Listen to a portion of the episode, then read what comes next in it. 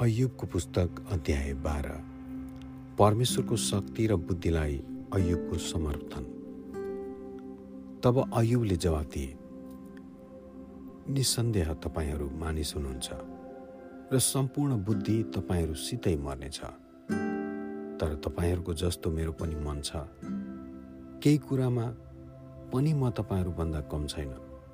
यस्ता कुरा कसले जान्दैन र तपाईँ पनि मेरा मित्रहरूको निम्ति एउटा हाँसोको पात्र भएको छु। यद्यपि मैले परमेश्वरलाई पुकारेँ र उहाँले मलाई उत्तर दिनुभयो। निर्दोष र निरपराध भने पनि हाँसोको पात्र। सुखमा बस्ने मानिसहरू दुर्भाग्यलाई घृणा गर्छन्। चिप्लन लागेका पाउ जस्तै तिनीहरू हुन्छन्। लुटपिट गर्नेहरूका पालमा खलबल हुँदैन। र परमेश्वरलाई रिस उठाउनेहरू चाहिँ सुरक्षित रहन्छन्। तिनीहरू जसले आफ्ना देवहरूलाई आफ्ना हातमा बोक्छन् तर गएर पशुहरूलाई सोध्नुहोस् र तिनीहरूले तपाईँलाई सिकाउनेछन् अथवा आकाशका चराहरूलाई अनि उनीहरूले तपाईँले बताउनेछन् अथवा पृथ्वीसित बोल्नुहोस् र त्यसले तपाईँलाई सिकाउनेछ वा समुद्रका माछालाई तपाईँलाई सिकाउन दिनुहोस्।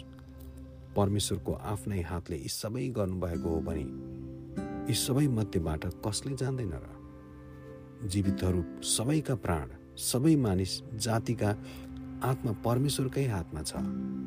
के जिब्रोले खानेकुराको स्वाद लिए झैँ बोलेका वचन कानले जाँच गर्दैन र? के पाकाहरूका बिचमा बुद्धि पाइँदैन र? के लामो आयुले समझ ल्याउँदैन र? बुद्धि र पराक्रम परमेश्वरकै हुन्। उहाँसँगै सल्लाह र समझ छ।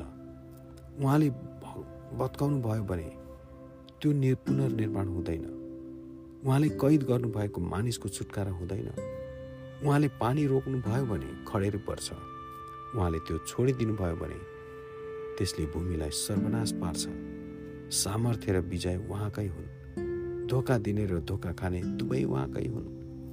उहाँले सल्लाहकारहरूलाई निर्बुद्धि तुल्याउनुहुन्छ र न्यायाधीशहरूलाई मूर्ख बनाइदिनुहुन्छ।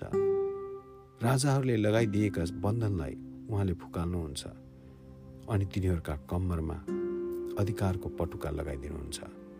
उहाँले पुजारीहरूलाई नाङ्गो पारी डोर्याउनुहुन्छ र चिरकालदेखि काम गर्ने मानिसहरूलाई उहाँले खारिज गरिदिनुहुन्छ।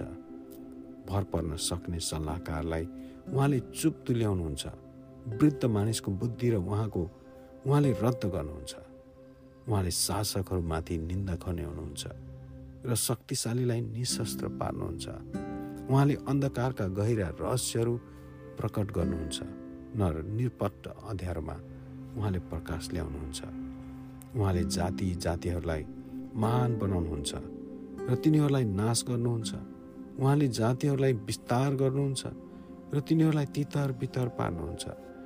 उहाँले पृथ्वीका शासकहरूका बुद्धि खोज्नुहुन्छ र बाटो नभएको उजाड स्थानमा यताउता बरालिन तिनीहरूलाई छोडिदिनुहुन्छ।